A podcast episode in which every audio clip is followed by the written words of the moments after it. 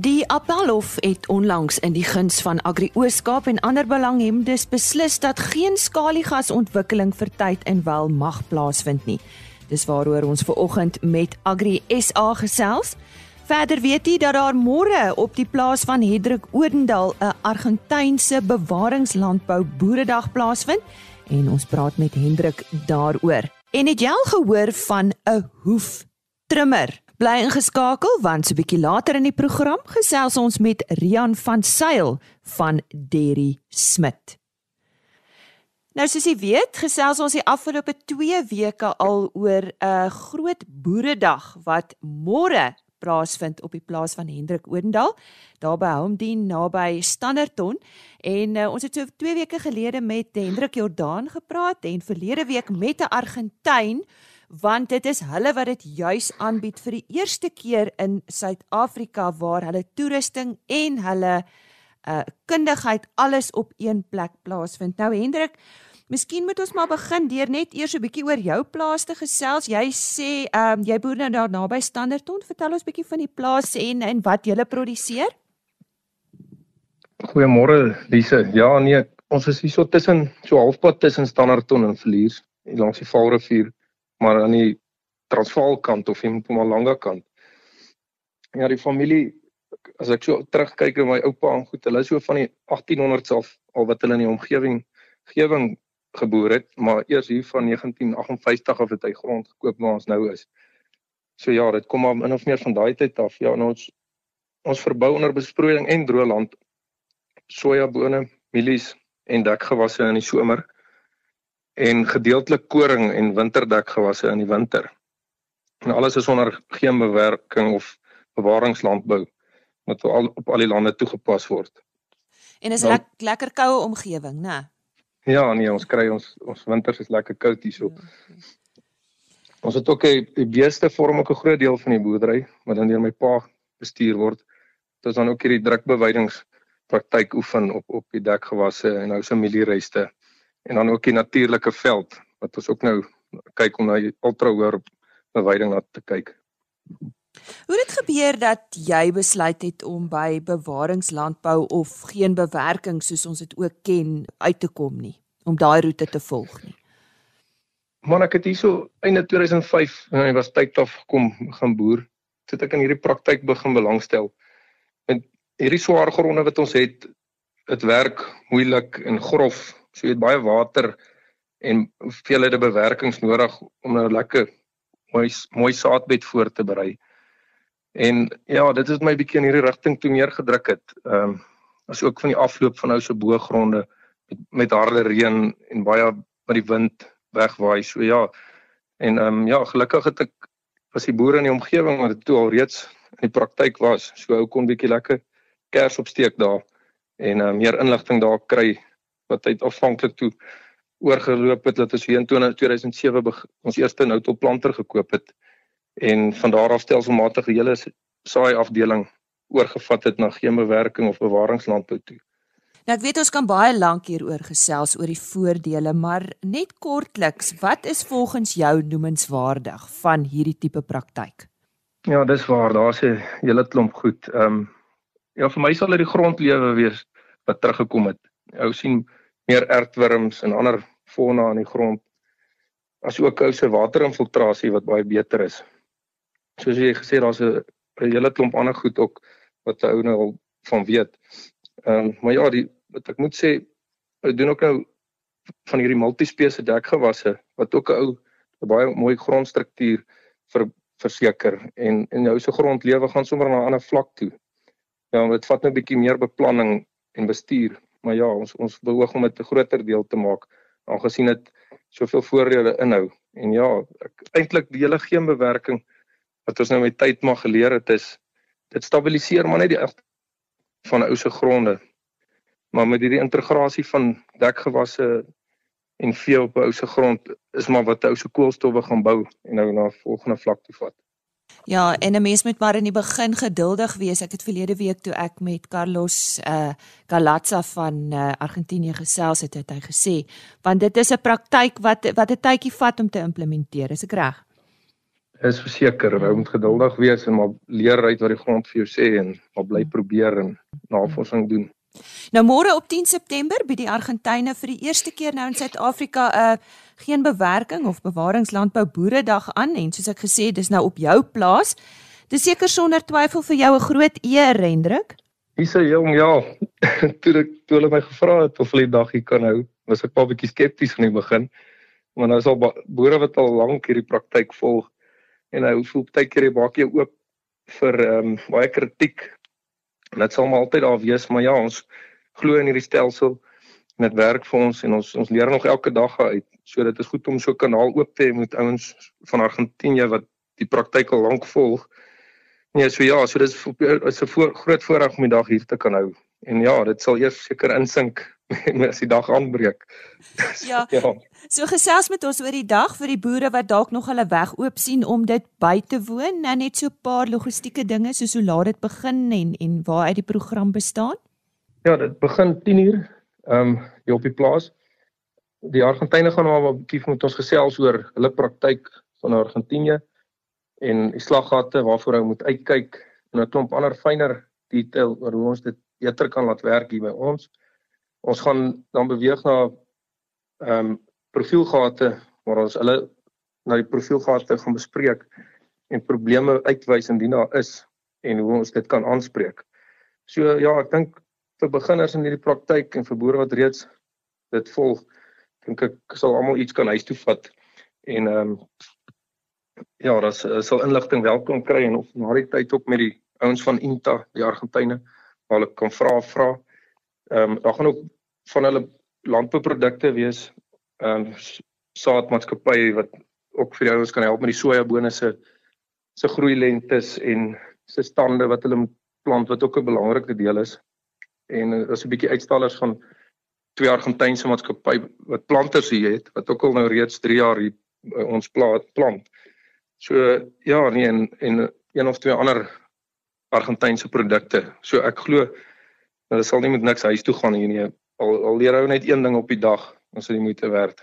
Nou ja, soos Hendrik gesê, die plaas is daar. Jy het gesê tussen Standerton en Verlier, soos ek reg? Ja, dis so halfpad tussen Standard en Verlier. Goed. En uh is dit op hierdie laat stadium nog reg as iemand jou skakel oor môre? Ja, soos ek dit het, is dit eintlik 'n baie so oop program, 'n mm. oop dag mm. vir enige iemand. So hulle hoef nie eers te laat weet hulle kom. Goed, goed. Maar kan ons maar jou selfoonnommer op lig gee vir oggend? Ek kan maar gee. Goed, da, as jy hom net vir ons kan gee asseblief Hendrik. Is 082 877 3863. Goed en daar het u dit. Dit is dan die selfoonnommer van Hendrik Odendaal en uh, hulle bied môre 'n uh, bewaringslandbou boeredag aan wat eintlik deur die Argentyne op sy plaas aangebied word vir die eerste keer in Suid-Afrika en dit begin dan om 10 uur. Hier is nuus oor 'n paar veilinge wat plaasvind. Op die 11de September is daar die Noord-Kaap veldramveiling by Griekwa stad skougronde 25 boerbok ramme, 10 savanna ramme, 20 wit dorper ramme, 85 dorper ramme en 21 van rooi ramme word opgevuil deur GWK. Op die 12de September vind die oude Fontein plaasveiling plaas en dit vind by 'n lodge in Bloemfontein plaas. Dit is 'n 6000 hektaar wildplaas in Betuli in die Vrystaat. SA Auctions hanteer die veiling. Op die 13de September is daar die Soutpansberg ons Mara produksie veiling op die plaas der regte Vivo Limpopo 30 bulle en 20 vroulike diere word aangebied. Ook op die 13de September is daar die Renoster Vallei produksie veiling. Dit is die Renoster Vallei Beefmaster produksie veiling. Dit vind by Bella Bella plaas en daar is 30 bulle en 30 dragtige verse. Andrei Kokkenseuns hanteer die veiling. Op die 14de September is daar die Kroonstad Game Breeders veiling en uh, dit vind plaas by die Afridome in Parys. Ook op die 14de September is daar die Suid-Kaapse Bonsmara Klub 9de Prestige veiling en dit vind by die Herald Veilingkrale plaas. 20 bulle en 100 vroulike diere stoet en kommersieel word opgevuil deur GWK. Johan van der Nest is die afslaer. Tot sover veiling nuus. Ons uh, gaan uh, nou gesels oor uh, sogenaamde hoeftrimming en ons praat met Rian van Sail. Hy's 'n hoeftrimmer en hy's van Derry Smit. Rian, wat behels uh, hoeftrimming en uh, is dit nou dieselfde as wat 'n perdehoefsmid doen? Nee, hoef um, perde hoefsmid en 'n beeshoeftrimming is glad nie dieselfde nie. Ons sit die bees in 'n hidroliese drukgang en hy moet geondersteun word in die hidroliese masjien en ons gebruik um grinders en 'n uh, spesiale lemme en 'n uh, spesiale hoef uh, messies om aan die beeste werk waar 'n uh, perd net regop kan staan en sy voet opgetel kan word. Die verskil tussen 'n melkbees en 'n perd is um dat die hoef ges, uh, gesplete is, 'n beesene en 'n perdsene 'n soliede hoef is. En hoekom is dit nodig om om hierdie hoeftrimming te doen dan? om te verseker dat uh, die bees 'n gesonde hoef het. 'n Gesonde bees um loop en drink op die regte tyd en um lê op die regte tyd. So julle naam is nou Derry Smit. Impliseer dit dat julle net melkbeeste doen? Nee, ons doen ook vleisbeeste, maar um kan enige gesplete hoewe doen soos uh, skape, bokke en um wildsoorte. Nou as uh, mense praat hier oor oor hierdie onderwerp, uh melkbeeste word dan nou getrim en dit het seker sekere voordele vir die melkboer. Ja, dit help om die bees gesond te hê. 'n Gesonde bees se uh, produksie vir die boer is um is beter. En en dan vleisbeeste word hulle ook getrim. Vleisbeeste word um word getrim hoofsaaklik twee redes is dit um dis geneties uh, genetiese afwykings en kosmeties is verskoue om seker te maak 'n mens kan die genetiese afwykings raak sien moet jy hom in 'n hidroliese drukgang insit en hom inspekteer in die hidroliese drukgang. En uh, net uh, weer terug na die melkbeeste toe. Hulle hulle het dit seker eintlik meer nodig as 'n vleisbees want hulle loop op harde sementoppervlaktes, né? Ja, die uh, melkbees uh, moet uh, getrim word want sy um, sy loop op harde oppervlakte en haar anatomie is van so 'n aard dat sy um, nie op 'n uh, sementoppervlakte en op um, harde grond sal loop nie. Sy sal graag liewers op uh, op rubber oppervlakte wil loop. En uh hoe hoe word dit dan nou gedoen as daar 'n makbees is? Wat is die proses? Al ons um, slaan die masjien op by uh, by jou plaas uh, voor jou drukgang en um, ons hanteer die uh, die dier in jou omstandighede en um, ons gee haar 'n trim as dit lankvoete is en um, as sy abses het sal ons die abses um, uitsny en ook 'n houtblokkie op die gesonde klou sit. Nou Rian, hoe lank neem dit gemiddeld om so 'n trim te doen? Wel dit dit hang maar af as sy mank is dan ehm um, sal sal dit bietjie langer vat want ons moet ehm um, moet aan die aan die abses werk en die blokkie plak en ehm um, as dit net 'n trim is dan is dit uh sal seker so 5 minute wees. Hoe lank is jy nou al in die bedryf? Wel ek is ehm um, so 7 jaar al in die bedryf ehm um, het uh basies dit geleer uh, by uh, Jaco de Bruin en van daar af ehm um, het ek op ehm um, my eie gegaan maar vir Jaco gewerk en ons het ehm um, onlangs die besigheid oorgekoop van Jaco de Bruin so 2 jaar wat ons nou die besigheid besit. En vind julle dat die boere nogal van julle dienste gebruik maak? Ja, ek um, ek glo waar die waar die die kliënt um leer wat uh, wat ons vir hulle 'n produk gee en um hulle diere goed hanteer en um seker maak dat hulle diere uh, se voete gesond is. Ja, dit was dan Rian van Sail van Daddy Smit wat gesels het oor hoeftrimming. Skakel gerus môreoggend weer in dan praat ons juis met 'n melkboer oor die voordele van hoeftrimming. Die uh, Appelhof het onlangs in die guns van Agri Ooskaap en ander belanghebbendes beslis dat geen skaliegasontwikkeling vir tyd en wel mag plaasvind nie. Nou die huidige regulasies rakende die ontwikkeling en eksplorasie van skaliegas word ook tersyde gestel. En nou om ons nou meer hiervan te vertel, gesels ek met Janser Rabbi. Hy is hoof van natuurlike hulpbronne by Agri Suid-Afrika en uh, ons uh, uh, praat met hom juis oor wat dit vir die landbousektor inhou. Uh nou Janse, waarom beskou Agri SA hierdie beslissing as 'n groot oorwinning vir landbou? Lise, ja, dankie. Die hele geskiedenis van skaliegas in Suid-Afrika is langer as wat mense besef. Dit is al reeds vir byna 10 jaar lank op die kaarte van dat die aanvanklike aansoeke gedoen is vir al die Karoo omgewing om skaliegas.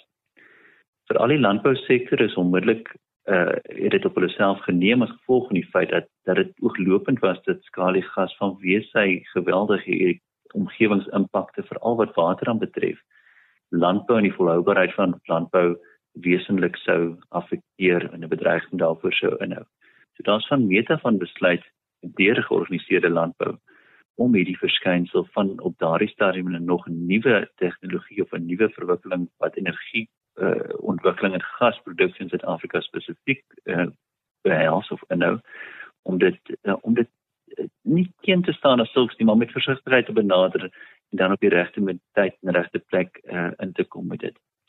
So die hele opbou van meer as 10 jaar lank het uiteindelik daarin uh, afges, afgeloop dat uh, ons provinsiale afdeliaal Agri Ooskaap uit uh, die Graamsstad se Hooggeregshof se jurisdiksiegebied besluit om tegniese regulasies uh, te implementeer deur die minister van minerale hulpbronne op 'n prosedurele punt aan te vat.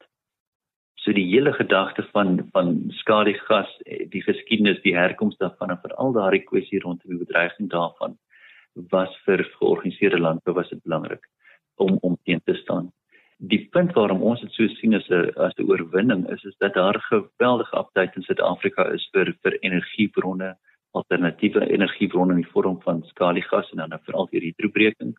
En om die rede het het georganiseerde landbou met hierdie oorwinning in die Oos-Kaapse Hooggeregshof aanvanklik doen nou meer onlangs uh, met die appel van Bloemfontein uh hierdie geveg eintlik uh, met, met sukses uiteindelik kon afhandel om seker te maak dat skaliegas vir 'n tyd lank in sy spore gestuit gaan word.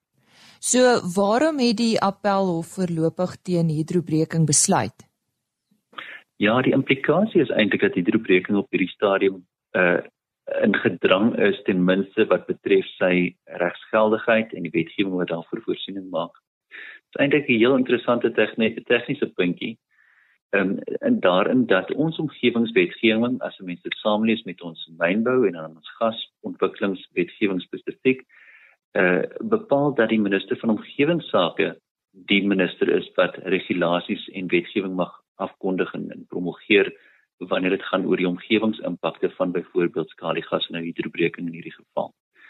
Desondanks het die minister van minerale hulpbronne daardie tegniese regulasies uitgevaardig en dis die tegniese punt. Die hof het beslis dat inderdaad korrek dat die net die minister van omgewingsake daardie uh, regulasies mag promulgeer en dat die minister van minerale hulpbronne eintlik gefouteer het om dit te doen bo uh, of bo oor die kop van van sê die minister van omgewingsake. So die appelle vir daarteen beslis. Implikasie daarvan was dat daar geen tegniese regulasies of regsgeldige tegniese regulasies was nie en dat skadegas uh, in die afwesigheid van sulke regsgeldige dan tegniese regulasies nie kan voortgaan nie. Watter kort en langtermyn gevolge sal hierdie uitspraak hê op skaliegasontwikkeling reg oor Suid-Afrika?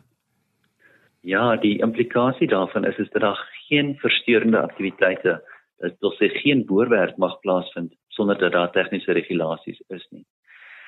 Die effek daarvan sal wees is dat die minister van omgewingsake nou sal moet teruggaan en dan van vooraf sulke tegniese regulasies moet opstel, daaroor moet konsulteer en publieke deelnameprosesse moet volg om seker te maak dat alle publieke insette nagekom word en dan dat daar die wetgewing deur die regte proses uiteindelik na parlement toe gaan en gepromulgeer word.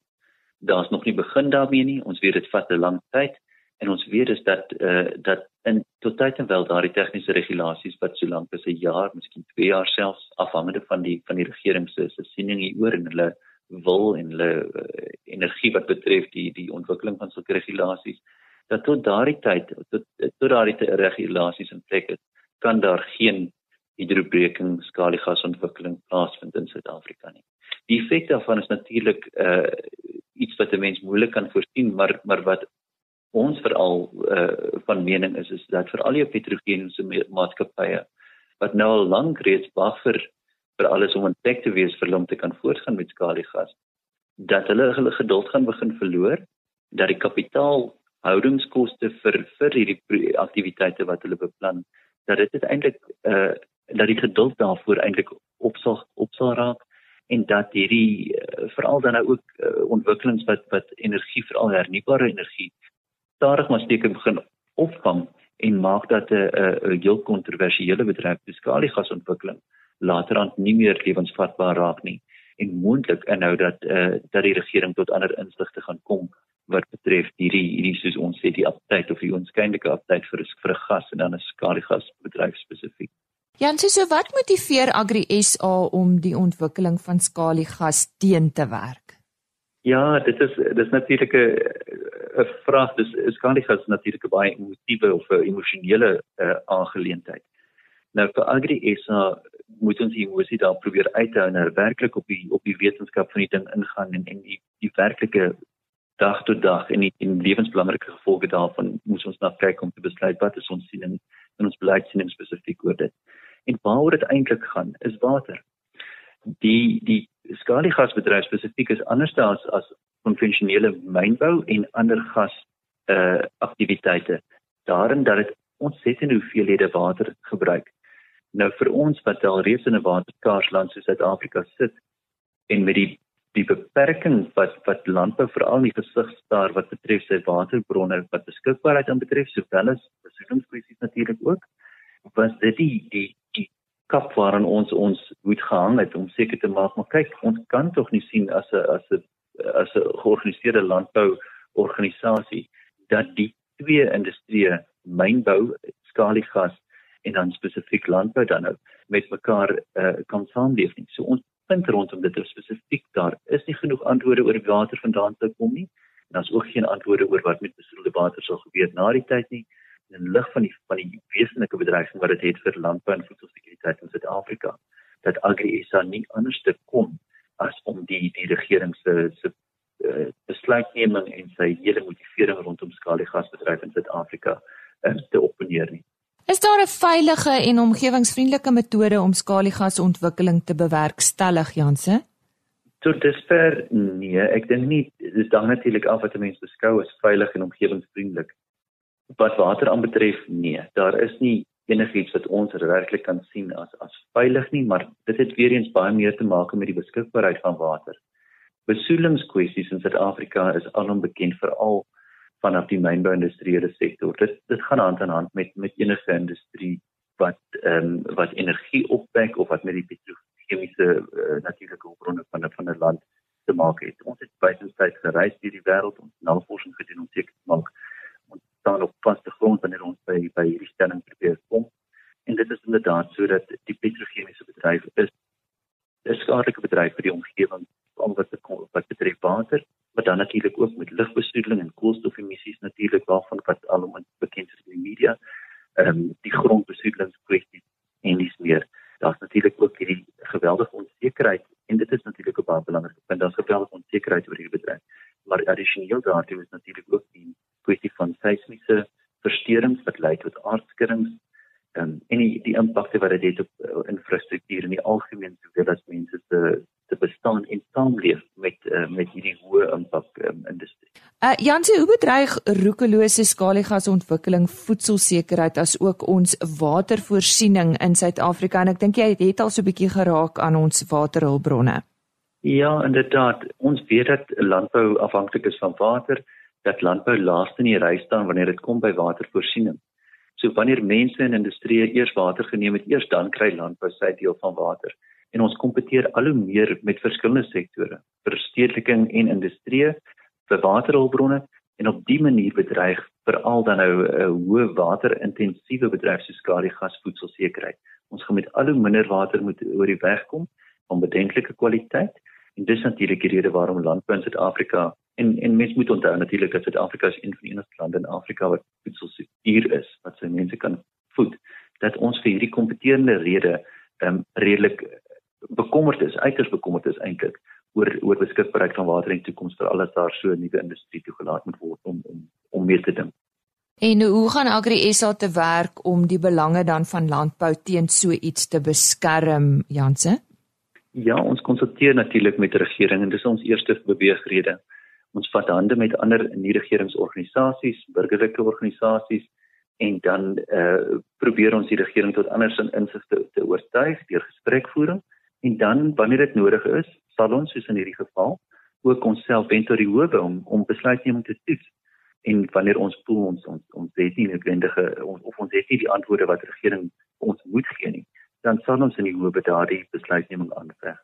Ek het daar gesels met Jan Serabi. Hy is die bestuurder natuurlike hulpbronne by Agri Suid-Afrika. Sluit gerus môreoggend weer by ons aan vir nog 'n aflewering van RSG Landbou van my Lise Roberts. Totsiens. RSG Landbou is 'n produksie van Plaas Media. Produksieregisseur Henny Maas. Aanbieding Lise Roberts en inhoudskoördineerder Jolandi Root.